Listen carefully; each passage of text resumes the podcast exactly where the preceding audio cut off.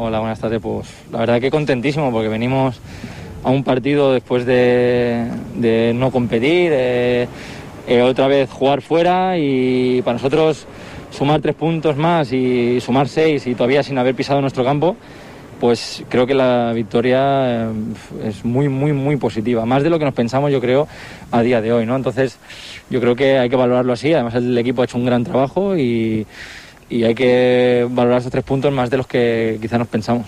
Partido muy serio hoy delante de, del español.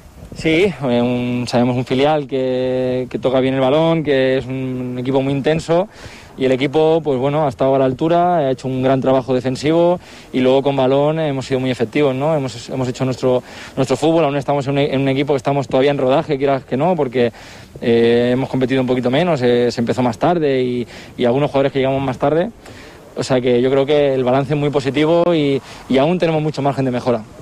Quim, com estàs tu físicament? Avui a Badalona ja vas jugar minuts, avui un altre cop eh, molts minuts. Físicament com estàs? Bien, un poquito mejor. Obviamente eh, aún me falta un pelín, un pelín más, pero sí que es verdad que, por ejemplo, hoy la primera parte, pues eh, ya con balón me he encontrado mucho más fresco, he podido participar un poquito más, eh, hacer algunas cosas y bueno, al final eh, poco a poco se va cogiendo más ritmo, ¿no? Sí que es verdad que hoy eh, ha hecho un poquito más de calor y eso también se, se ha notado porque, eh, bueno, el, el, clima también afecta. Pero sí que es verdad que me encuentro un poquito mejor, que cada vez estoy dando un paso más adelante y, y creo que estoy cada vez más cerca de la versión del mejor Kim, que, que es la que espero llegar pronto y, y, que podamos disfrutar todos también. ¿Ganas de jugar al Camp de Sports? Sí, tengo muchas ganas. Eh, además es un campo que siempre me ha encantado, que que cuando he venido de visitante he disfrutado mucho y tengo ganas de disfrutar como, como local y, y, ojalá pronto también con nuestra afición, porque tengo muchas ganas de sentir el aliento de la afición y, y la verdad que deseando, deseando pisarlo. ¿Qué les dirías a la afición?